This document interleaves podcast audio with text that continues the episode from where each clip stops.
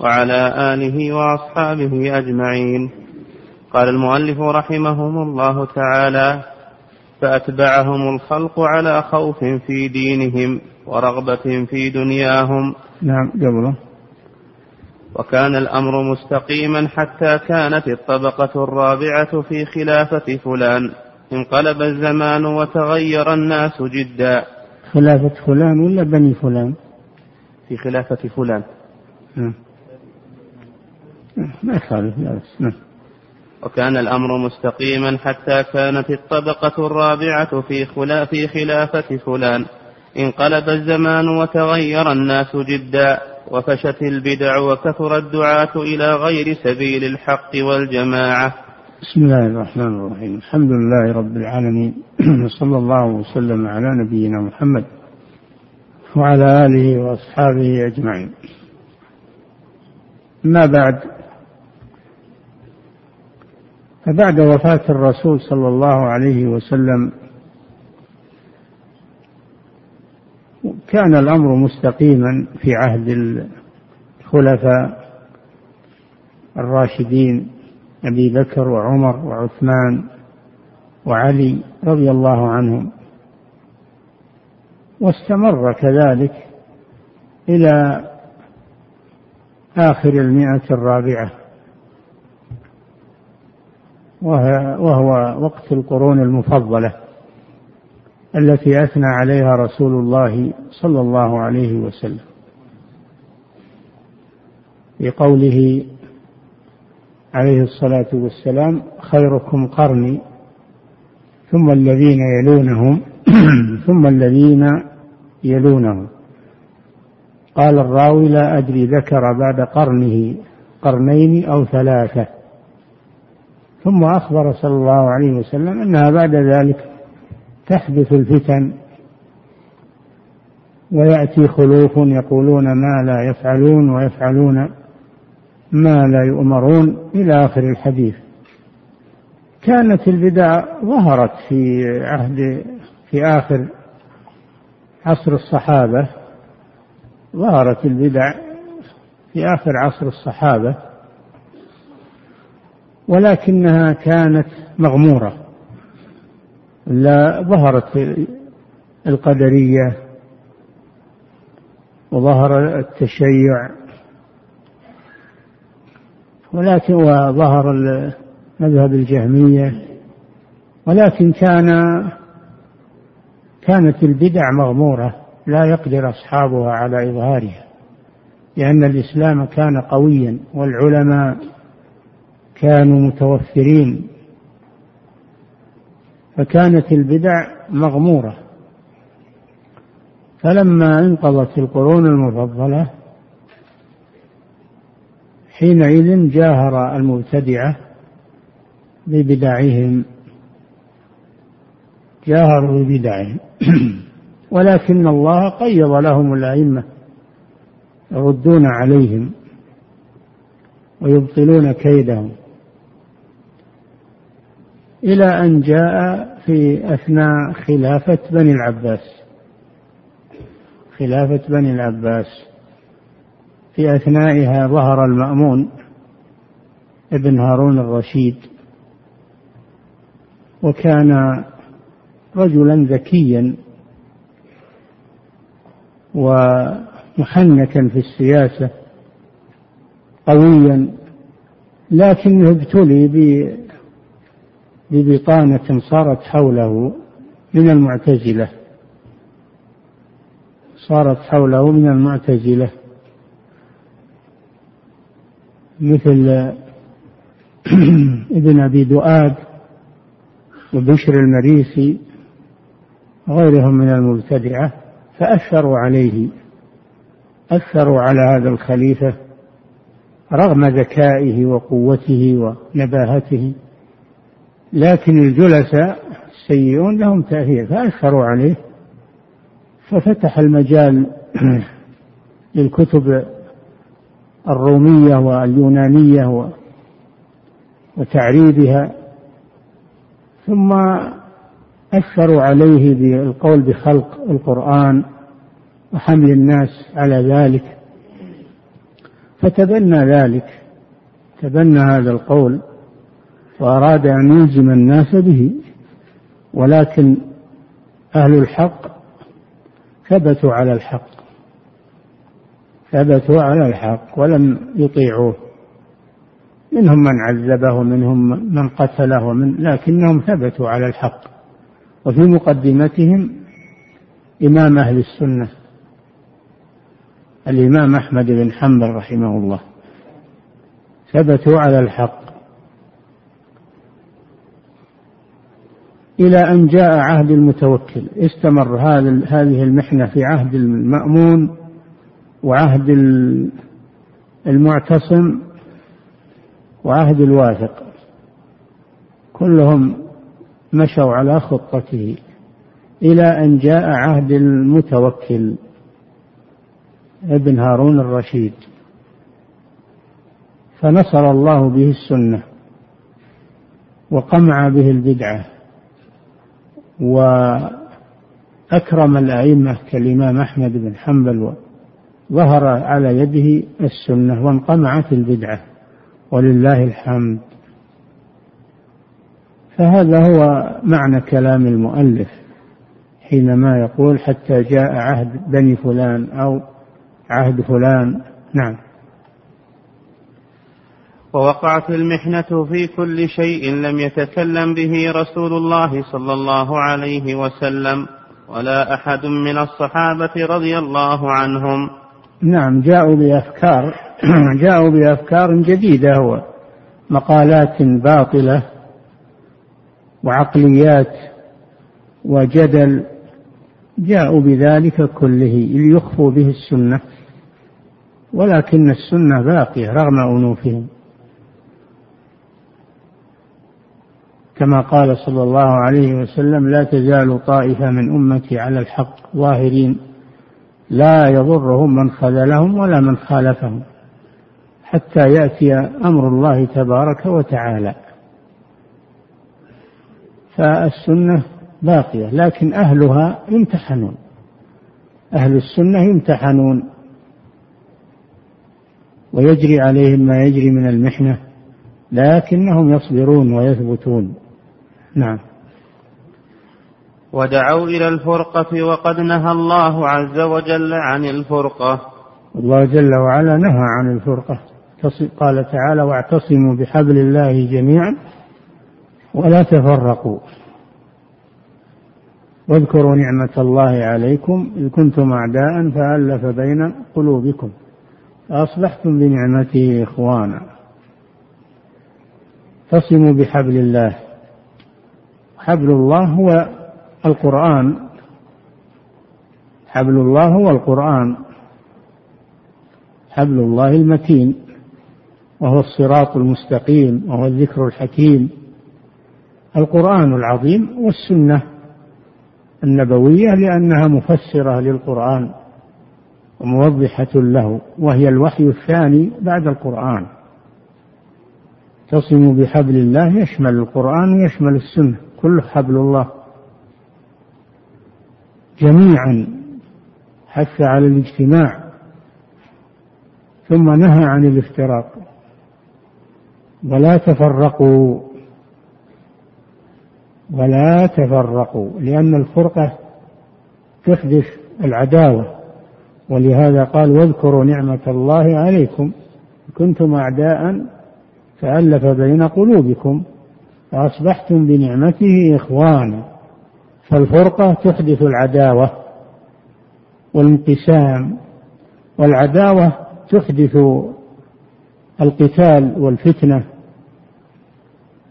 فيجب على المسلمين أن يجتمعوا على كتاب الله وسنة رسوله وهدي السلف الصالح وأن يحذروا من الفرقة والاختلاف وتتشتت الآراء. وفي الآية الأخرى يقول جل وعلا فإن تنازعتم في شيء فردوه إلى الله والرسول كنتم تؤمنون بالله واليوم الآخر. يقول جل وعلا وما اختلفتم فيه من شيء فحكمه إلى الله. ذلكم الله ربي عليه توكلت وإليه أنيب. فاطر السماوات جعل فاطر السماوات والأرض جعل لكم من أنفسكم أزواجا ومن الأنعام أزواجا يزرعكم فيه ليس كمثله شيء وهو السميع البصير.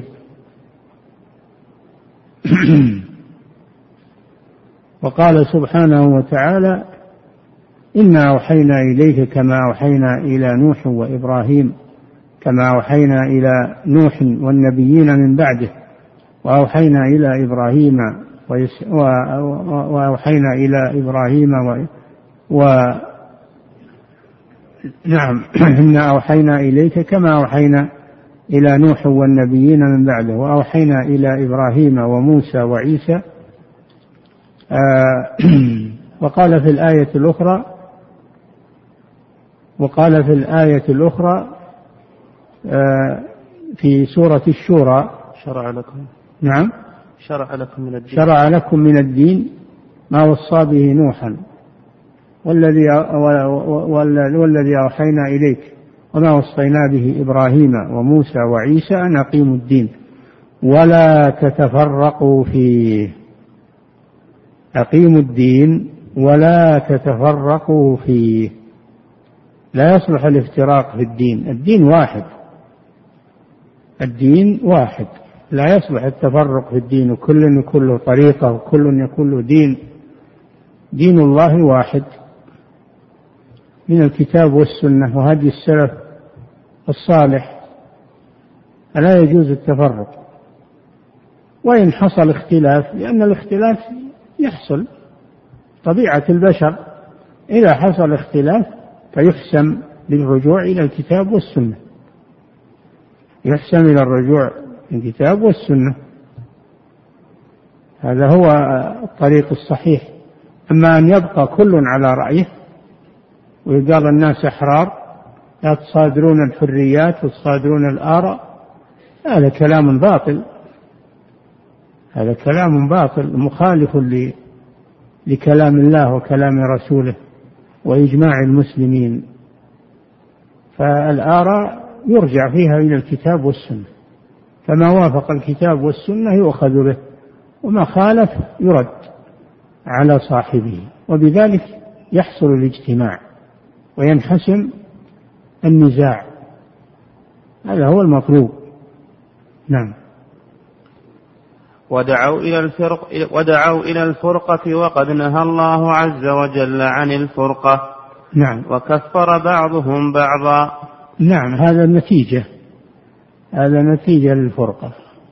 فرقة تحدث العداوة وتحدث القتال والفتنة وتحدث ما هو أشد من ذلك وهو التكفير. كل حزب بما لديهم فرحون. كل فرقة تكفر الفرقة الأخرى.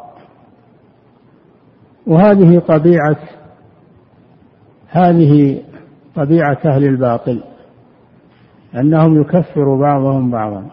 أما أهل الحق فهم وإن اختلفوا في بعض المسائل فإنهم لا يكفر بعضهم بعضا بل يرجعون إلى الكتاب والسنة ويرجع المخطئ ويؤخذ قول المصيب.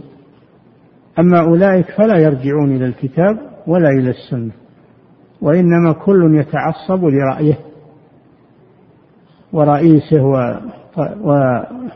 وإمامه فيحصل عند ذلك ما يحصل من النتائج القبيحة السيئة التي جاء الإسلام لمحاربتها وإبطالها فلا يصلح أن المسلمين يبقون متفرقين ويقال كل له رأيه كل له حريته هذا ما يجوز. ليس دين الله ليس ب ليس بالتفرق إنما دين الله بالاجتماع والألفة. أصبحتم بنعمته إخوانا. المؤمنون إخوة. نعم. وكفر بعضهم بعضا ودعا كل وكل دعا إلى رأيه وإلى تكفير من خالفه. نعم. وهذا من النتائج إن كل يدعو إلى نحلته. كل يدعو الناس إلى نحلته. فيحصل التفرق ويتحير الناس. لا يدرون أين يذهبون ولا من يتبعون. فيحصل الارتباك ويحصل التشتت والحيرة.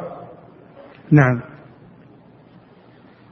ودعا كل إلى رأيه وإلى تكفير من خالفه. فضل الجهال والرعاع ومن لا علم له. نعم هذا هذه النتيجة. أنه ما يدرون الجهال والرعاع ما يدرون من يتبعون. تحيرون في هذا.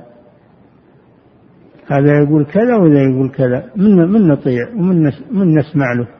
كما هو الموجود الآن. لما كثر المفتون في الفضائيات وفي اللقاءات صار الناس الآن في حيرة. فلان يقول كذا وفلان يقول كذا. وين نروح من نتبع. هذه نتيجة الاختلاف وعدم تحديد المرجع الذي يرجع إليه. قد يقول قائل المذاهب الأربعة ما هي فيها بينها اختلاف؟ نقول هذا ما هو اختلاف في العقيدة ولا اختلاف في الإيمان إنما هو اختلاف في الفقه المسائل الفقهية التي لها وجه ولها مأخذ. ليس هذا اختلاف في الأصل ولا في العقيدة ولا في الإيمان. هذا اختلاف في الفقه والاستنباط. نعم. مع أنه يجب الرجوع إلى ما ترجح بالدليل من أقوالهم الفقهية. نعم. فضل الجهال والرعاع ومن لا علم ومن لا علم له. نعم. وأطمعوا الناس في شيء من أمر الدنيا وخوفوهم عقاب الدنيا. نعم دعوا الناس إلى اتباعهم كل فريق يتبع يدعو الناس إلى اتباعه إما بالترهيب والضرب والقتل مثل ما حصل من المأمون وإما بالترغيب بإعطائه شيء من الدنيا. والناس يحبون الطمع يحبون الدنيا. فيتبعونهم من أجل الطمع. وهذا من الابتلاء والامتحان. نعم. فاتبعهم الخلق على خوف في دينهم ورغبة في دنياهم. اتبعوهم إما خائفين من بطشهم وإما راغبين في فيما يعطونهم من الحطام. نعم. فصارت السنة وأهل السنة مكتومين. وظهرت البدعة وفشت. نعم هذا في في العهد الذي ذكرنا وما بعده صار أهل السنة مكتومين بدل أن كانوا ظاهرين في عهد القرون المفضلة لكن هذا الكتم ما هو يستمر ما يستمر. فترة ومحنة تزول. هذه تزول. نعم. فصارت السنة وأهل السنة مكتومين وظهرت البدعة وفشت. مكتومين يعني في فترة ما هو دائما نعم. وظهرت البدعة وفشت وكفروا من حيث لا يعلمون من وجوه شتى. نعم صاروا يتبعون المذاهب دون روية وهي كفر. بعضها كفر كفر بالله عز وجل.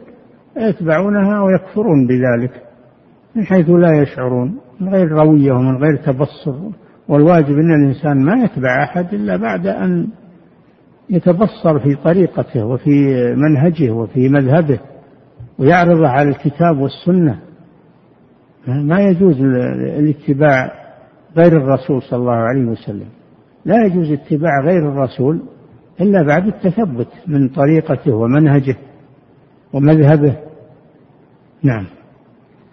ووضعوا القياس وحملوا قدرة الرب وآياته وأحكامه. وضعوا القياس القياس في حق الله قاسوا الخالق بالمخلوق وهذا قياس باطل. ولذلك نفوا الأسماء والصفات بناء على هذا القياس. ظنوا أن صفات المخلوق تشبه صفات الخالق وأسماء المخلوقين تشبه أسماء الخالق. فلذلك نفوا تنزيها لله بزعمهم من التشبيه ولم يعلموا أن هناك فرقا بين أسماء الله وصفاته وبين أسماء المخلوقين وصفاتهم وأنه لا تشبيه لا تشبيه. الحمد لله. نعم. ووضعوا القياس وحملوا قدرة الرب أما, أما القياس في الفقه القياس في الفقه فهو أصل من من أصول الأدلة وهو إلحاق فرع بأصل لجامع إلحاق فرع بأصل في الحكم لعلة جامعة بينهما. هذا هو القياس. إذا لم يوجد دليل من الكتاب ولا من السنة وحدثت حادثة فإنها تقاس على ما نص عليه تقاس على ما نص عليه وتعطى حكمه هذا هو القياس وهو مذهب وهو أصل من أصول الاجتهاد من أصول الأدلة. نعم. ووضعوا القياس وحملوا قدرة الرب وآياته وأحكامه وأمره ونهيه على عقولهم وآرائهم. هذا هو القياس الباطل القياس في حق الله جل وعلا. نعم. وحملوا قدرة الرب وآياته وأحكامه وأمره ونهيه على عقولهم وآرائهم. الذي لا تتصوره عقولهم وآراؤهم فإنهم يردونه من كلام الله وكلام رسوله. فهم يحكمون عقولهم وآراءهم. فما خالفها ردوه إما بالتأويل إما بالتأويل وإما بالرفض وعدم القبول. نعم. على عقولهم وآرائهم فما وافق عقولهم قبلوه وما خالف عقولهم ردوه. نعم. فصار الإسلام غريبا والسنة غريبة وأهل السنة غرباء في جوف ديارهم. كما قال صلى الله عليه وسلم بدأ الإسلام غريبا وسيعود غريبا كما بدأ فطوبى للغرباء. قالوا من الغرباء يا رسول الله؟ قال الذين يصلحون إذا فسد الناس. وفي رواية يصلحون ما أفسد الناس. ويصلحون في أنفسهم ويصلحون ما أفسد الناس. هؤلاء هم الغرباء لماذا سموا غرباء لأن من لأن من يخالفهم كثير ومن ينكر عليهم كثير. فهم غرباء بين بين مواطنيهم ومعاصريهم. نعم. واعلم أن المتعة متعة النساء والاستحلال حرام إلى يوم القيامة. هذه مسألة فقهية لكن أتى بها لأن لها تعلق بالعقيدة لأنها تحليل لأنها تحليل ما حرم الله عز وجل. وما وتحليل ما أجمع على تحريمه. المتعة معناها أن يتزوج امرأة مدة محددة وبعدها ينتهي الزواج. المتعة معناها أن يتزوج امرأة مدة محددة طويلة أو قصيرة. وبعدها ينتهي الزواج تلقائيا ولا يحتاج إلى طلاق. لأنه انتهى انتهى الزواج. كانت المتعة جائزة في أول الإسلام. ثم حرمها النبي صلى الله عليه وسلم في خيبر في غزوة خيبر. ثم أباحها يوم فتح مكة. ثم حرمها تحريما مؤبدا. فهي أولا كانت حلالا ثم حرمت ثم أبيحت ثم حرمت إلى الأبد. وأجمع المسلمون على تحريمها وأنها نكاح باطل. بعد تحريمها صارت نكاحا باطلا. وهذا مذهب جمهور الأمة أو إجماع الأمة بل الإجماع لم يخالف فيها إلا الشيعة الجعفرية الرافضة. هم الذين خالفوا فيها وخلافهم لا عبرة به ولا قيمة له. فالإجماع فالإجماع والنص على تحريم المتعة على تحريم المتعة. فمن استحلها كفر من استحلها كفر وهي نكاح باطل هي زنا لها حكم الزنا. نعم. واعلم أن المتعة متعة النساء والاستحلال حرام إلى يوم القيامة. نعم المتعة متعة النساء. يخرج بذلك المتعة متعة الحج. أن يتمتع بالعمرة إلى الحج. ليست هذه هي المراد. التمتع باق على على ما عليه جمهور أهل العلم أن التمتع بالعمرة إلى الحج باقي. لم يخالف فيه إلا عدد قليل. أما المتعة النساء فهي محرمة بالإجماع لم يخالف فيها أحد. والمتعة في الحج مسألة فقهية. أما المتعة في النكاح فهي مسألة تتعلق بالعقيدة لأنها استحلال لما حرم الله سبحانه وتعالى. نعم. واعرف لبني هاشم فضلهم لقرابتهم من رسول الله صلى الله عليه وسلم. بنو هاشم بن عبد المطلب آه، بنو هاشم بن ابن عبد مناف. بنو هاشم ابن عبد مناف. لأن عبد مناف أولاده هاشم جد الرسول صلى الله عليه وسلم وعبد شمس جد عثمان بن عفان رضي الله عنه ومعاوية وبني أمية و آه، نوفل نوفل بن عبد مناف جد حكيم بن حزام رضي الله عنه هؤلاء هم أولاد عبد مناف. والمطلب المطلب بن عبد مناف جد بني المطلب هؤلاء هم أولاد عبد مناف. والرسول صلى الله عليه وسلم بعث في بني هاشم ابن عبد مناف فهو هاشمي صلى الله عليه وسلم. هاشمي قرشي. وقال صلى الله عليه وسلم إن الله اصطفى كنانة من ولد إسماعيل واصطفى من كنانة قريشا واصطفى من قريش بني هاشم. واصطفاني من بني هاشم. فهؤلاء هم قرابة الرسول صلى الله عليه وسلم. بنو هاشم المسلم المؤمنون المؤمنون من بني هاشم. هؤلاء هم القرابة الذين لهم حق على المسلمين. تحرم عليهم الصدقة تباح لهم الهدية.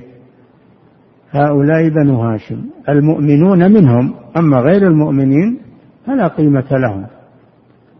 إنما إذا اجتمع القرابة مع الإيمان فلا شك أنهم يمتازون على غيرهم ولهم حق الإكرام والتوقير والاحترام والتقديم لأن هذا من توقير الرسول صلى الله عليه وسلم. وأما إذا لم يكونوا مؤمنين غاية ما هو أنهم من بني هاشم وهم كفار فلا مزية لهم. لا مزية لهم. وكذلك كل من كان ينتسب إلى بني هاشم وهو ليس على على مذهب أهل السنة والجماعة والاستقامة هذا لا قيمة له. ليس مجرد القرابة هو هو المقتضي للحق. إنما القرابة مع الإيمان. قل لا أسألكم عليه أجرا إلا المودة في القربى. أي قرابة الرسول صلى الله عليه وسلم. وجعل الله لهم حظا من من, من الخمس. واعلموا أن ما غنمتم من شيء فأن لله خمسه وللرسول ولذي القربى. قرابة الرسول صلى الله عليه وسلم. نعم. واعرف لبني هاشم فضلهم لقرابتهم من رسول الله صلى الله عليه وسلم. نعم. واعرف فضل قريش والعرب وجميع نعم ثم من بعد بني هاشم فضل قريش المسلمون من قريش المسلمون من قريش لهم فضل على بقية العرب. ثم العرب لهم فضل على العجم. لماذا؟ لأن الله أنزل القرآن بلغتهم وبعث الرسول صلى الله عليه وسلم منهم. واختارهم لتبليغ رسالته. ولهذا قال جل وعلا في القرآن وإنه فاستمسك بالذي أوحي إليك إنك على صراط مستقيم وإنه لذكر لك أي لشرف لك القرآن. وإنه لذكر لك ولقومك. من هم قومه؟ العرب. وإنه لذكر لك ولقومك. وسوف تسألون. سوف تسألون عن القيام بهذا القرآن وتبليغه والدعوة إليه لأن الله حملكم حملكم إياه أن تبلغوه وأن لبقية العالم. فهذا وجه تفضيل العرب. ما فضلوا لأجل أنهم عرب فقط بل فضلوا لما خص الله العرب به من القرآن والسنة وبعثة الرسول صلى الله عليه وسلم وأنهم يقومون بتبليغ هذا الدين. كنتم خير أمة أخرجت للناس. تأمرون بالمعروف وتنهون عن المنكر وتؤمنون بالله. ولتكن منكم أمة يدعون إلى الخير ويأمرون بالمعروف وينهون عن المنكر. وأولئك هم المفلحون. فهذه وجه مزية العرب. إذا تمسكوا بهذا الدين وبلغوه صار لهم فضلا على غيرهم. أما من لم يتمسك بهذا الدين فليس له فضل. ليس له فضل. الله جل وعلا يقول يا أيها الناس إنا خلقناكم من ذكر وأنثى وجعلناكم شعوبا وقبائل لتعارفوا إن أكرمكم عند الله أتقاكم. النبي صلى الله عليه وسلم يقول لا فضل لعربي على عجمي ولا لأبيض على أسود إلا بالتقوى. كلكم لآدم وآدم من تراب. فهذا وجه تفضيل العرب. إذا قاموا بما حملهم الله من نشر هذا الدين والدعوة إليه وبيانه للناس فهم أفضل من غيرهم. نعم. واعرف فضل قريش والعرب وجميع الأفخاذ. الأفخاذ من القبائل يعني من لأن أولا القبيلة ثم ثم الأفخاذ وهي قطع من من القبيلة. نعم. واعرف فضل قريش والعرب وجميع الأفخاذ فاعرف قدرهم وحقوقهم في الإسلام. نعم كل على قدر فضله وحقه. نعم. ومولى القوم منهم. مولى القوم منهم هذا حديث عن الرسول صلى الله عليه وسلم يعني العتيق. العتيق إذا كان عتيقا للهاشميين يكون حكمه حكم الهاشميين أو عتيقا لغيرهم يكون حكمه حكمهم.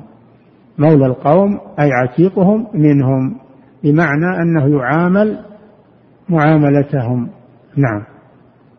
واعرف فضل الأنصار ووصية رسول الله صلى الله عليه وسلم فيهم. نعم صحابة رسول الله صلى الله عليه وسلم هم أفضل القرون. لقوله صلى الله عليه وسلم خيركم قرني. ولأن الله اختارهم لصحبة نبيه محمد صلى الله عليه وسلم. ولأنهم بايعوا الرسول صلى الله عليه وسلم وجاهدوا معه وتحملوا العلم عنه وبلغوه للناس فالصحابة أفضل القرون ولا يلحقهم أحد في فضلهم. قال صلى الله عليه وسلم لا تسبوا أصحابي فوالذي نفسي بيده لو أنفق أحدكم مثل أحد ذهبا ما بلغ مد أحدهم ولا نصيفه. يعني لو أن أحد تصدق بذهب مثل جبل أحد ما يساوي مد من الشعير. تصدق به صحابي. لفضل الصحابة رضي الله عنهم. أين مد يعني جبل ذهب جبل أحد أكبر الجبال. ذهب يتصدق به ما يساوي المد الذي تصدق به الصحابي من الصحابة. فهذا فضل عظيم فضل عظيم يجب أن يعرف لهم رضي الله عنهم.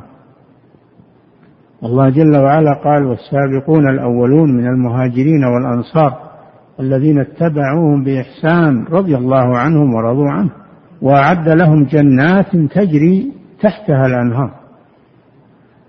وقال جل وعلا لقد رضي الله عن المؤمنين إذ يبايعونك تحت الشجرة فعلم ما في قلوبهم وأنزل السكينة عليهم وأثابهم فتحا قريبا.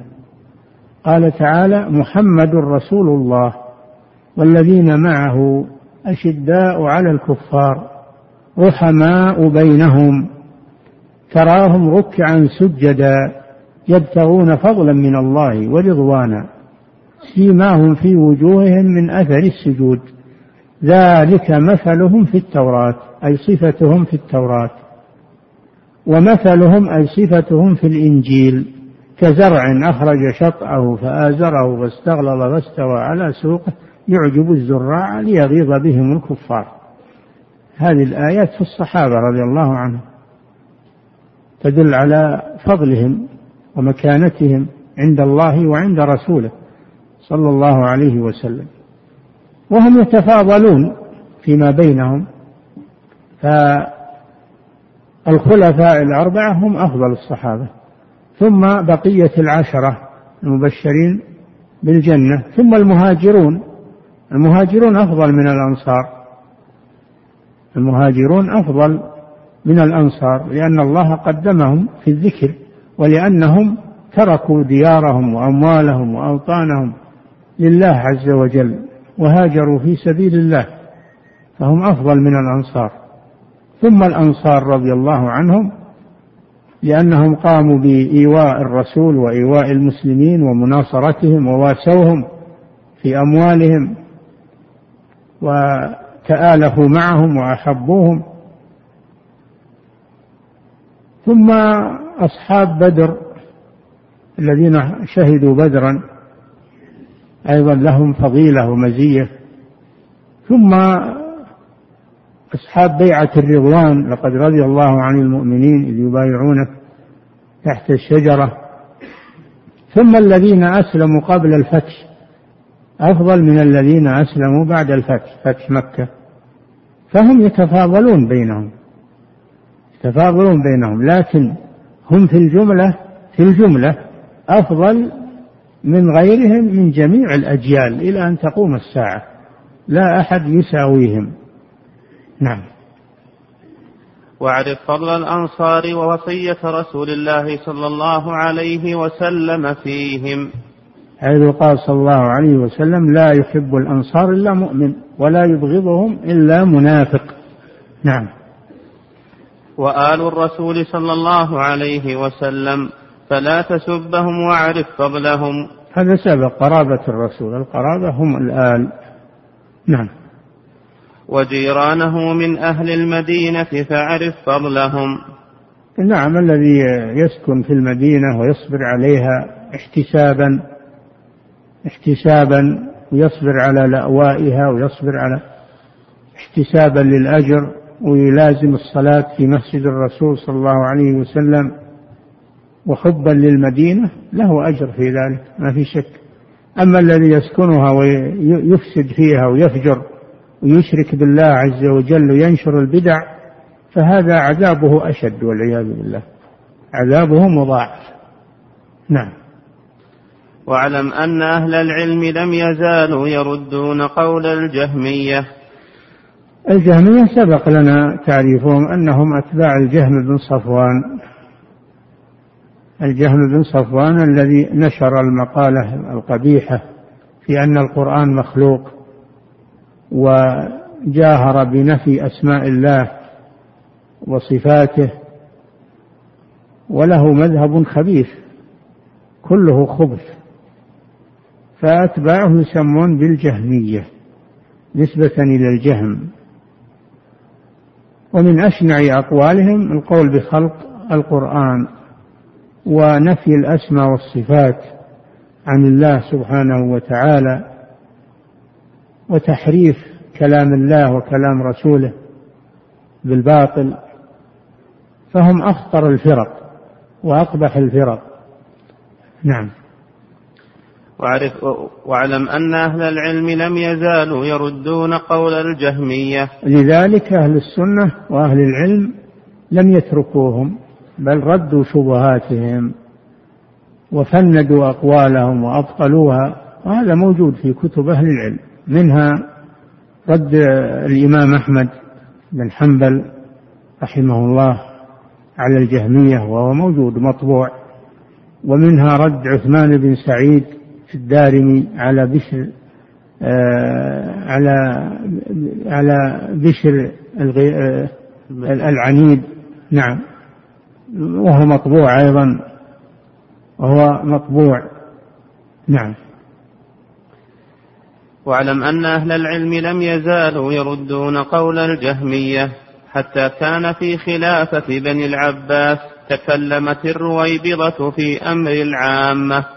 كما سبق أنه في خلافة المأمون حدث الشر وتكلم من ليس أهلا للكلام. تكلم في العلم والأصول من ليس أهلا للكلام. وإذا تكلم الإنسان في غير اختصاصه فإن الأمور تفسد والعلم يفسد. لا بد أن لا يتكلم في أمور الدين والعلم إلا أهل الاختصاص وأهل العلم. فلا يصلح الأمر فوضى كل يتكلم ويدعي العلم كما هو موجود الآن من المتعالمين الذين يجرون مسائل العقيدة ويتكلمون فيها الآن. تكلموا في الإيمان وحقيقة الإيمان وتكلموا في أشياء وهم لا ليسوا في العير ولا في النفير ليس عندهم علم. ولا ولم يتعلموا على العلماء إنما تعلموا على أنفسهم. واعتمدوا على فهمهم وصاروا يقعدون قواعد من عندهم ومن فهمهم. نعم. الأمر خطير جدا. نعم. حتى كان في خلافة بني العباس تكلمت الرويبضة في أمر العامة. هذا في الأثر إذا تكلمت الرويبضة يعني من علامات الساعة. أن يتكلم في أمر العامة من لا يصلح للكلام وليس معروفا. يتكلم في أمر العامة من ليس معروفا بالعلم. هذه هي الرويضة وتكلمهم من علامات الساعة. نعم. تكلمت الرويبضة في أمر العامة وطعنوا على آثار رسول الله صلى الله عليه وسلم. فلا يصلح أن يتكلم في أمر العامة والمسائل العامة إلا أهل العلم الراسخون في العلم. ما يتدخل فيها كل واحد. كما قال تعالى وإذا جاءهم أمر من الأمن أو الخوف أذاعوا به ولو ردوه إلى الرسول وإلى أولي الأمر منهم لعلمه الذين يستنبطونه منهم. فالأمور العامة للأمة لا يتكلم فيها إلا أهل الاختصاص. أما الأمور الفردية وكل يبدي رأيه فيها حسب معرفته. إذا كان من أهل العلم لا بعد العام ما يجوز أنه يتدخل في الأحكام الشرعية ولو في لو في مسائل فردية ما يجوز يتكلم فيها. نعم. تكلمت الرويبضة في أمر العامة وطعنوا على آثار رسول الله صلى الله عليه وسلم. نعم تدخلوا حتى في الأحاديث يجرحون فيها. الحين هذا هم يجرحون فيها ويألفون مؤلفات ويصحون ويضعفون وهم ما عرفوا بالعلم ولا تعلموا. وليسوا من رواة الحديث ولا من أئمة الحديث. فهم رويبضة قامت وصارت تتكلم. في, في أخطر شيء وهو علم الحديث وعلم الرواية. نعم. وأخذوا بالقياس والرأي وكفروا من خالفهم. كما سبق المراد بالقياس هنا القياس الباطل. أما القياس الصحيح فهذا من أصول الأدلة. عند أهل العلم لكن القياس الباطل كقياس الخالق على المخلوق أو قياس مسألة لا لا تجتمع مع المسألة المقيس عليها لأنه لابد القياس هو إلحاق فرع بأصل في الحكم لعلة جامعة بينهما. فإذا كان ما في علة جامعة فهذا قياس باطل. قياس باطل. نعم. فدخل في قولهم الجاهل والمغفل والذي لا علم له. انفتح الباب لكل من هب ودب. صاروا يتكلمون مسائل العلم. وحتى الآن كما تعلمون بسبب هالفضائيات وهالكلام وهالفوضى العلمية صار حتى العوام يتكلمون في مسائل العلم ويشككون فيها. يشككون حتى في الأحاديث يشككون في الأحكام الشرعية يشككون في فتاوى الأئمة. نعم. وأخذوا بالقياس والرأي وكفروا من خالفهم فدخل في قولهم الجاهل والمغفل. كما سبق هذا أنهم كفروا من خالفهم. حتى أنهم كفروا السابقين الأئمة السابقين وجهلوهم. حتى أن بعضهم يقول أنا أنا إنسان وأحمد بن حنبل إنسان. حنا رجال وهم رجال. ومالك. رجل وأنا رجل. وصل بهم الحال إلى هذا. وأنه لا ميزة لقول الأئمة على قولنا. نعم. فدخل في قولهم الجاهل والمغفل والذي لا علم له. حتى كفروا من حيث لا يعلمون فهلكت الأمة من وجوه وكفرت من وجوه. نعم. كفروا من حيث لا يعلمون. الإنسان قد يقول مقالة كفرية وهو لا يدري أنها كفرية بجهله بسبب جهله. فهو يقول الكفر ويروج الكفر وهو لم يعلم أنه كفر لسبب جهله. وأنه تدخل في شيء لا لا يحسنه فالخطر عظيم. نعم. عليه وعلى الأمة. ولو اقتصر الخطر عليه كان أخف لكن المشكلة أن هذا ينتشر على الأمة. نعم. حتى كفروا من حيث لا يعلمون فهلكت الأمة من وجوه وكفرت من وجوه. يعني لبسوا على الأمة وأدخلوا عليها الخلل أدخلوا عليها الخلل حتى إن منهم من يأخذ الأقوال الكفرية ويقول هذه أقوال علماء كما يقولون عن قول الجهم والمعتزلة يقول هذه أقوال علماء. حتى إنهم كتبوا في الصحف إنكم أنتم تحجرون الحق لكم وتهدرون أقوال الأئمة مثل ابن سينا وابن وابن العربي و والجهم بن صفوان و يقولون هذا هذا من تحجر الحق. وهؤلاء علماء لهم قيمتهم. كتبوا هذا وألفوا فيه مؤلفات. نعم. وكفرت من وجوه وتزندقت من وجوه وضلت من وجوه وابتدعت من وجوه. اي نعم كل هالآفات كلها بسبب تدخل الجهال في مسائل العلم وقلة الخوف من الله سبحانه وتعالى. لما قل خوفهم من الله دخلوا في هذه الأمور. ولهذا يقول بعض السلف قل ورعهم فتكلموا. قل ورعهم فتكلموا. أما اللي يخاف الله عز وجل فإنه لا يدخل في شيء إلا وهو يحسنه. ما يدخل في شيء وهو لا يحسنه وليس من أهله. خصوصا أمور الدين. أنت لو تأتي على أمر من أمور الدنيا لو تأتي تبي تشغل سيارة وأنت ما تعلمت ما تعلمت تشغل السيارة. شغلة تهلكك وتهلك اللي غيرك لأنك ما تحسن. تدخلت بشيء ما يعني هذا في أمور الدنيا. فكيف في أمور الدين؟ إذا تدخلت فيها وأنت جاهل أهلكت نفسك وأهلكت أهلكت غيرك. فلا يجوز أن يدخل في الموضوع. الطب مثلا يجي واحد ما تعلم الطب ولا له خبرة ويجري عمليات في المستشفيات. لا يمكن هذا يهلك الناس. فإذا كان هذا في أمور الصناعة وأمور الحرفة والدنيا فكيف بأمور الدين؟ الواجب لا يتدخل فيها إلا من يحسن التدخل وعنده علم. وإلا يجب عليه أن يخاف الله عز وجل. الله جل وعلا يقول ولا تقف ما ليس لك به علم. لا تقف ما ليس لك به علم. إن السمع والبصر والفؤاد كل أولئك كان عنه مسؤولا. ويقول جل وعلا قل إنما حرم ربي الفواحش ما ظهر منها وما بطن والإثم والبغي بغير الحق وأن تشركوا بالله ما لم ينزل به سلطانا وأن تقولوا على الله ما لا تعلمون. جعله فوق الشرك. جعل القول عليه فوق الشرك.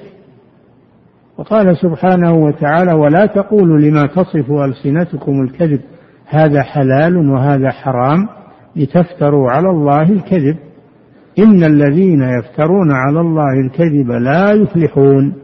متاع قليل. ولهم عذاب أليم. نسأل الله العافية. نعم. إلا من ثبت على قول رسول الله صلى الله عليه وسلم وأمره ونهيه وأصحابه ولم يتخطى أحدا منهم. نعم. لم لم يسلم من هذه الآفات. الكفر والزيغ والضلال والانحراف والتعادي والتقاطع إلا من تمسك بما عليه رسول الله صلى الله عليه وسلم وأصحابه. كما قال صلى الله عليه وسلم وستفترق أمتي على ثلاث وسبعين فرقة كلها في النار إلا واحدة. قالوا من هي يا رسول الله؟ قال من كان على ما أنا عليه وأصحابي. نعم. ولم يتخطى أحدا منهم ولم يجاوز أمرهم. ووسعه ما وسعهم. الكتاب والسنة وما عليه السلف الصالح من الصحابة والتابعين والقرون المفضلة والأئمة. نعم. ولم يتخطى أحدا منهم ولم لكن المشكلة اللي يقول هم رجال ونحن رجال. ولا كلامهم ميزة على كلامنا. هذه المشكلة. نعم. ولم يتخطى أحدا منهم ولم يجاوز أمرهم ووسعه ما وسعهم. نعم. ولم يرغب عن طريقتهم ومذهبهم وعلم أنهم كانوا على الإسلام الصحيح والإيمان الصحيح. كما قال تعالى والسابقون الأولون من المهاجرين والأنصار والذين اتبعوهم بإحسان. قال عليه الصلاة والسلام عليكم بسنتي وسنة الخلفاء الراشدين المهديين من بعده فالذي يريد النجاة هذا طريقها. والذي لا يريد النجاة له ما اختار لنفسه وليس الضرر يقتصر عليه بل إنه يتحمل آثام الناس. مع إثمه يتحمل آثام الناس. يحمل أوزارهم كاملة يوم القيامة. ومن أوزار الذين يضلونهم بغير علم. ألا ساء ما يزرون. نعم. وعلم أنهم كانوا على الإسلام الصحيح والإيمان الصحيح فقلدهم دينه واستراح. هذا بلا شك أن الصحابة والقرون المفضلة هم الذين على الإسلام الصحيح والدين الصحيح. فكيف تتركهم وتذهب إلى من لا يضمن؟ أنه على الدين الصحيح وعلى الحق. ما يضمن هذا. نعم. أما أولئك مضمون أنهم على الحق وأنهم على الصراط المستقيم. نعم. وعلم أنهم كانوا على الإسلام الصحيح والإيمان الصحيح نعم. فقلدهم دينه واستراح. قلدهم يعني اتبعهم. قلدهم يعني اتبعهم. والذين اتبعوهم بإحسان. المراد بالتقليد هنا الاتباع. نعم. واعلم أن الدين إنما هو التقليد والتقليد لأصحاب رسول الله صلى. الله عليه وسلم. واعلم أن الدين هو التقليد والتقليد لأصحاب رسول الله صلى الله عليه وسلم. كما ذكرنا المراد بالتقليد تقليد الصحيح وهو الاتباع. كما قال يوسف عليه السلام إني تركت ملة قوم لا يؤمنون بالله وهم بالآخرة هم كافرون واتبعت ملة آبائي إبراهيم وإسحاق ويعقوب. فاتباع السلف الصالح هذا هو الحق هذا هو الحق وليس فيه لوم إذا اتبعت هؤلاء. إنما اللوم إذا اتبعت من لا يصلح للاتباع. واقتديت بمن لا يصلح للقدوة. نعم. ومن قال لفظه ومن قال لفظه بالقرآن مخلوق فهو جهمي. نقف على هذا. نعم. أحسن الله إليكم. أحسن الله إليكم صاحب الفضيلة. أسئلة كثيرة أعرض على فضيلتكم ما تيسر منها. هذا سائل يقول هل من كلمة نصح لمن انتشر بين أوساط الشباب من التلهف للتكفير والبحث عن أسبابه ليوقعوه على من خالفهم مع أن هذه الأسباب ليست أسبابا شرعية بل مبناها على الهوى أو على الجهل؟ نعم تعيد السؤال. يقول سلمك الله هل من كلمة نصح لمن انتشر بين أوساط الشباب من التلهف للتكفير والبحث عن أسبابه ليوقعوه على من خالفهم مع أن هذه الأسباب ليست أسبابا شرعية بل مبناها على الهوى أو على الجهل. كما ذكرنا على الشباب أن يقبلوا على طلب العلم وأن يتلقوا العلم عن أهله وأن يحرصوا على فهم المقررات عليهم في المدارس والمعاهد والكليات مقررات في التوحيد والفقه والحديث والتفسير يقبل على ذلك ويتلقوا العلم عن المعلمين أو على العلماء في المساجد. لا يقتصر على تعلم على الكتب وقراءة الكتب أو يقتصر على التعلم على الجهال. من أمثالهم. عليهم أن يتلقوا العلم في مواطنه وعن أهله في المساجد أو في المؤسسات العلمية.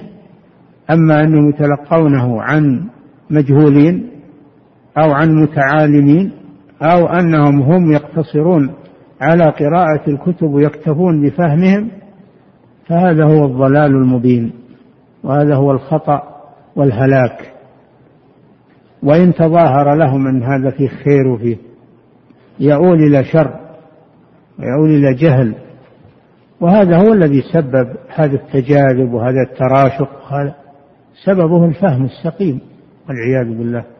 والتعالم هو الذي سبب هذا الشيء. حتى على المشايخ والمدرسين في المساجد يتلاقون ويتحابون ويتآلفون فيما بينهم. أما إذا انقسموا كل واحد صار له غرفة ولا في استراحة ولا في ما أدري وش يسمونه خلوات. فهنا يحصل التناكر. يتنكرون للمجتمع حتى لآبائهم. حتى لآبائهم يتنكرون لهم ويجهلون آبائهم ويحتقرون آبائهم ويحتقرون المجتمع ويهجرون المساجد ويقللون من شأن المؤسسات. العلمية فيهلكون. نعم. أحسن الله إليكم صاحب الفضيلة. وهذا السائل يقول يا شيخنا يحصل من بعض طلبة العلم الصغار التكلم في العلماء الراسخين في العلم. فما نصيحتكم لهؤلاء؟ أن يتقوا الله سبحانه وتعالى ويعلموا أن هذا الكلام هذا شر شر عليهم وعلى غيرهم. هذا أول شيء أنه من الغيبة. والغيبة كبيرة من كبائر الذنوب. وغيبة لمن؟ غيبة للعلماء الذين هم القدوة.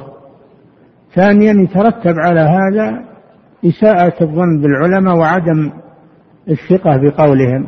وحين وحينئذ يحصل الانفصال بين العامة وبين العلماء. فحينئذ يتدخل الأشرار. وهذا قصدهم. قصدهم أنهم يعزلون المجتمع عن العلماء حتى يبثوا سمومهم في المجتمع. هذا القصد. فعلى الشباب أنهم يتنبهون لهؤلاء وأن يحذروهم وأن يلازموا العلماء أينما وجدوهم يلازمونهم ويأخذون العلم عنهم ويسألونهم. نعم. أحسن الله إليكم صاحب الفضيلة وهذا السائل يقول ما صحة ما يقال من أن أن من حرم المتعة حرمة أبدية هو عمر بن الخطاب رضي الله عنه وليس النبي صلى الله عليه وسلم.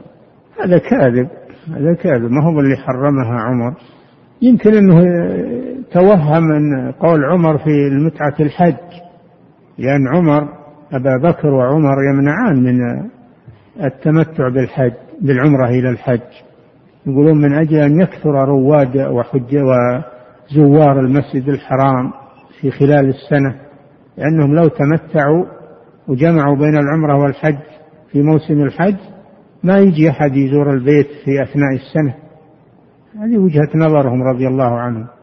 ولكن هذا قول خطأ بلا شك. الصحيح أن العمرة أنها مشروعة وأنها باقية. أنها باقية وليست منسوخة. ربما أن هذا أنه قرأ وظن أن المراد بقول عمر المتعة اللي متعة النساء. نعم. وهذا من الجهل كما قلت لكم. اللي يقرأ بدون عالم هو يقع في مثل هذا. تلتبس عليه الأمور. جرى أن عمر يقول بمنع المتعة ظن أنها متعة آه، بجواز المتعة أو منع المتعة وظن أنها متعة النساء. إن اللي حرمها هو عمر. واللي حرمها الرسول صلى الله عليه وسلم. متعة النساء حرمها الرسول. أما متعة الحج فالرسول أمر بها ففرق بينهما. لكن هذا لا يميز سبب جهله. مثل اللي يقولون انه قرأ في صحيح البخاري إن الحبة السوداء شفاء من كل داء. هو قرأها الحية الحية السوداء بنقطتين. تصحفت عليه. فذهب وأخذ حية سوداء وأكلها فمات قتله السم لأنه ما سأل أحد اقتصر على قراءته والنسخة مصحفة فيها زيادة نقطة. نعم. هذه نتيجة التعالم ونتيجة الاعتماد على الكتب بدون علماء. نعم. أحسن الله إليكم صاحب الفضيلة وهذا السائل يقول ما حكم الزواج بنية الطلاق؟ وهل هو مثير للمتعة؟ الزواج بنية الطلاق ما هو مثل المتعة. في خلاف ولكن الصحيح أنه لا يجوز لأنه تغرير بالمرأة. ما هو علشان أنه متعة علشان فيه خداع للمرأة وليها. لأنك تزوجتها بنية البقاء وأن تضمر في نفسك نية آه، عدم البقاء التوقيت. فهي متعة خفية ليست متعة ظاهرة متعة خفية بالنسبة لمن نواها. أما اللي ما نواها الزوجة والولي ما يسمى هذا في حقهم متعة نعم. أحسن الله إليكم صاحب الفضيلة وهذا السائل يقول ما المقصود بالصدقة المحرمة المحرمة على قرابة النبي صلى الله عليه وسلم؟ هل هي الزكاة فقط أم عموم الصدقات؟ نعم عموم الصدقات. صدقة التطوع والصدقة الواجبة. حرام على الرسول صلى الله عليه وسلم وعلى قرابته. نعم. أحسن الله إليكم صاحب الفضيلة. وهذا السائل يقول هل وجه تفضيل العرب هو مجرد انتساب العرب بتعلم لغتهم؟ نعم. هل وجه تفضيل العرب هو مجرد انتساب العرب بتعلم لغتهم اللغة العربية؟ انتساب للعرب إنه يقوم بما قام به المسلمون من العرب بالدعوة إلى الله ونشر العلم ما مجرد الانتساب للعرب ما يكفي. لابد إنه يقوم بما يجب على العرب من الدعوة إلى الله وتعلم العلم والجهاد في سبيل الله. نعم. نعم. أحسن الله إليكم صاحب الفضيلة. هذا السائل يقول هل هذه المقولة صحيحة؟ إن الصحابة رضي الله عنهم في الجملة أفضل ممن بعدهم. أما آحاد الصحابة فقد يأتي من بعدهم من هو أفضل منهم. هذا كذب. هذا كذب. ليس هناك أفضل من الصحابة لا أفرادا ولا جماعات. الصحابة أفضل من غير أفضل قرون الأمة أفرادا وجماعات. وحسب من يأتي بعدهم أن يتبعهم ويقتدي بهم. نعم. هم امتثلوا وأطاعوا. نعم. أحسن الله إليكم صاحب الفضيلة وهذا سائل يقول هناك من يقول إذا بينا حال الفرق الموجودة الآن فأنتم تفرقون الأمة ولا تذكرون هذا للشباب فهل هذا القول صحيح؟ نحذر هذا من باب التحذير باب التحذير للشباب. نحن لا نذكر الفرق من باب من باب الترفيه ولا من باب نذكره من باب التحذير مما هم عليه حتى يعلمهم المسلم ويتجنب ما هم عليه. نعم. أحسن الله إليكم صاحب الفضيلة وهذا السائل يقول يقوم بعض الشباب بسماع بعض أشرطة المشايخ ويقوم بتلقط الهفوات ثم بالتكفير والتبديع لذلك الشيخ وربما يقوم بتأليف الكتب وغيرها والتحذير منهم. فهل هذا يا شيخ هل هذا الفعل سائغ أو أنه لا يجوز؟ أنا قلت لكم عدة مرات ما يقوم بالرد والانتقاد إلا أهل العلم. فإذا سمعت شريط وأشكل عليك شيء فيه اعرضه على أحد المشايخ. ربما تكون أنت متوهم أو فاهم من غير ما قصد صاحب الشريط. فأنت لا تقدم على التخطئة والرد بل ارجع إلى أهل العلم واعرض عليهم هذا هذا الشريط أو هذا الكلام. حتى تسلم من معرة الوقوع في الفهم الخاطئ والكلام في أعراض العلماء. نعم. أحسن الله إليكم صاحب الفضيلة. هذا سائل يقول في قول المؤلف رحمه الله وجميع الأفخاذ ما مناسبة ذكر المؤلف لهذا؟ في قول المؤلف رحمه الله وجميع الأفخاذ. جميع؟ الأفخاذ. هذا القبائل يعني لأن القبيلة تنقسم إلى أفخاذ. إلى أفخاذ وإلى آه، في أقسام. نعم. يقول سلمك الله في بقية سؤاله ما مناسبة ذكر المؤلف هذا ها هنا وقد جاء عن النبي صلى الله عليه وسلم قوله أربع من أمتي من أمور الجاهلية وذكر منها الفخر في الأنساب. ما هذا من باب الفخر بالأنساب؟ أنت فاهم خطأ. ما هذا من باب الفخر بالأنساب؟ هذا من باب تذكير العرب من باب تذكير العرب بما يجب عليهم بأن يقوموا بهذا الدين. لأن القرآن بلغتهم والشرع بلغتهم والرسول منهم هذا تذكير لهم ما هو من باب الافتخار. نعم. أحسن الله إليكم صاحب الفضيلة. هذا السائل يقول ما المراد بحبل الله تعالى؟ وهل يجوز تأويل الحبل إلى الكتاب والسنة؟ الحبل هو الكتاب والسنة والصراط. يسمى حبل يسمى صراط يسمى آه، هدى يسمى هدى يسمى طريق. نعم. أحسن الله إليكم صاحب الفضيلة وهذا السائل أنت ما تعرف الحبل إلا الحبل اللي تحزم به ولا؟ الحبل يطلق على عدة إطلاقات. نعم. أحسن الله إليكم صاحب الفضيلة. هذا سائل يقول ما أفضل السكنى في مكة أو في المدينة؟ وهل من سكن فيها الأفضل أن يكون في الحل أو في الحرم؟ مجرد السكنى ما يكفي. اللي يسكن في مكة أو المدينة عليه أنه ينتهز الفرصة بالأعمال الصالحة وطلب العلم والاستقامة ويصبر على على البقاء فيها ومجاورة المسجد الحرام والمسجد النبوي والصلاة فيهما هو مجرد سكنى فقط. نعم. وأما أيهما أفضل لا شك أن مكة أفضل. لأن الصلاة في المسجد الحرام عن مئة ألف صلاة بينما الصلاة في المسجد النبوي عن ألف صلاة. فرق فرق واضح. نعم. أحسن الله إليكم صاحب الفضيلة وهذا السائل يقول هل الأجر في مضاعف في المدينة ومكة بالصلاة فقط أم بجميع الأعمال؟ وهل هو خاص في المسجد الحرام بمكة أم في جميع الحرم؟ النص على الصلاة. النص على الصلاة أنها تضاعف. وبقية الأعمال لا شك أن فعلها في الحرم أفضل لكن المضاعفة ما نقول المضاعفة أنها تضاعف مثل مضاعفة الصلاة. هذا خاص بالصلاة يعني المضاعفة. أما فضل العبادة في الحرم أو في أحد الحرمين لا شك أنها أفضل من العبادة في خارج الحرم. نعم والسؤال بقية السؤال.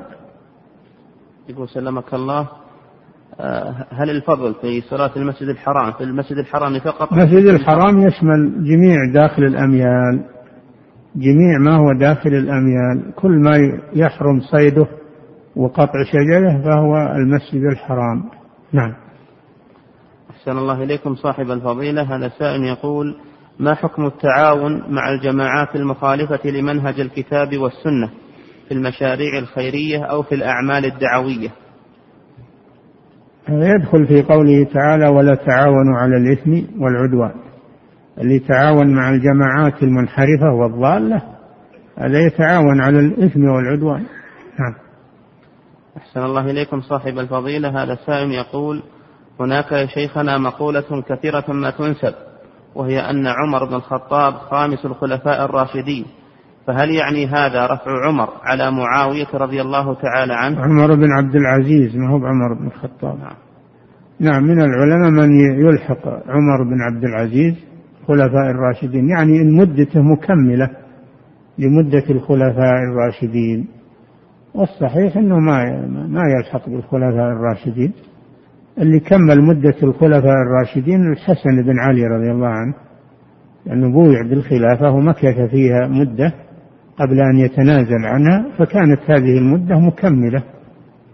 وعمر بن عبد العزيز له فضل عظيم بلا شك لكنه ما هو أفضل من معاوية لأن عمر ما عنده صحبة ومعاوية عنده الصحبة لرسول الله صلى الله عليه وسلم. ولا أحد يلحق بالصحابة مهما عملوا مهما ما يلحق بالصحابة. نعم. أحسن الله إليكم صاحب الفضيلة وهذا السائل يقول هل صحيح من قال إن القول على الله عز وجل بلا علم أعظم من الشرك. وهل معناه أن الله لا يغفره له؟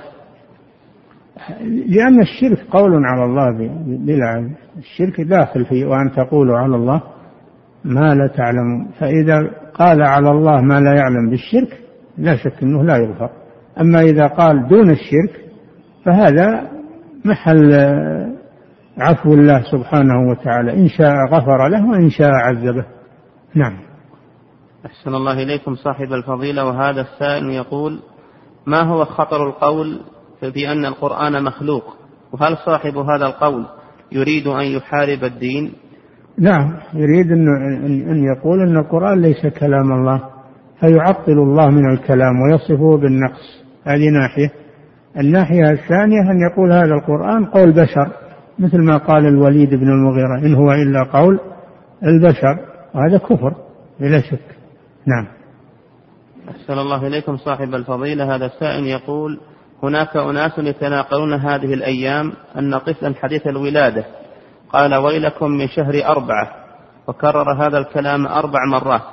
فما رأيكم في هذا؟ وتوجيه من يقول إن من يحصل ما يحصل من العواصف والغبار هو من هذا التحذير. أنتم تعلمون أن الخرافيين الآن كثروا واستغلوا الوسائل الخفية مثل الجوالات ومثل آه، الإنترنت لترويج هذه الشرور وهذا الوعيد وهذا. هذا كذب وافتراء على الله سبحانه وتعالى. نعم. أحسن الله إليكم. انتهى. الله تعالى أعلم وصلى الله وسلم على نبينا محمد وعلى آله وصحبه. الله أكبر الله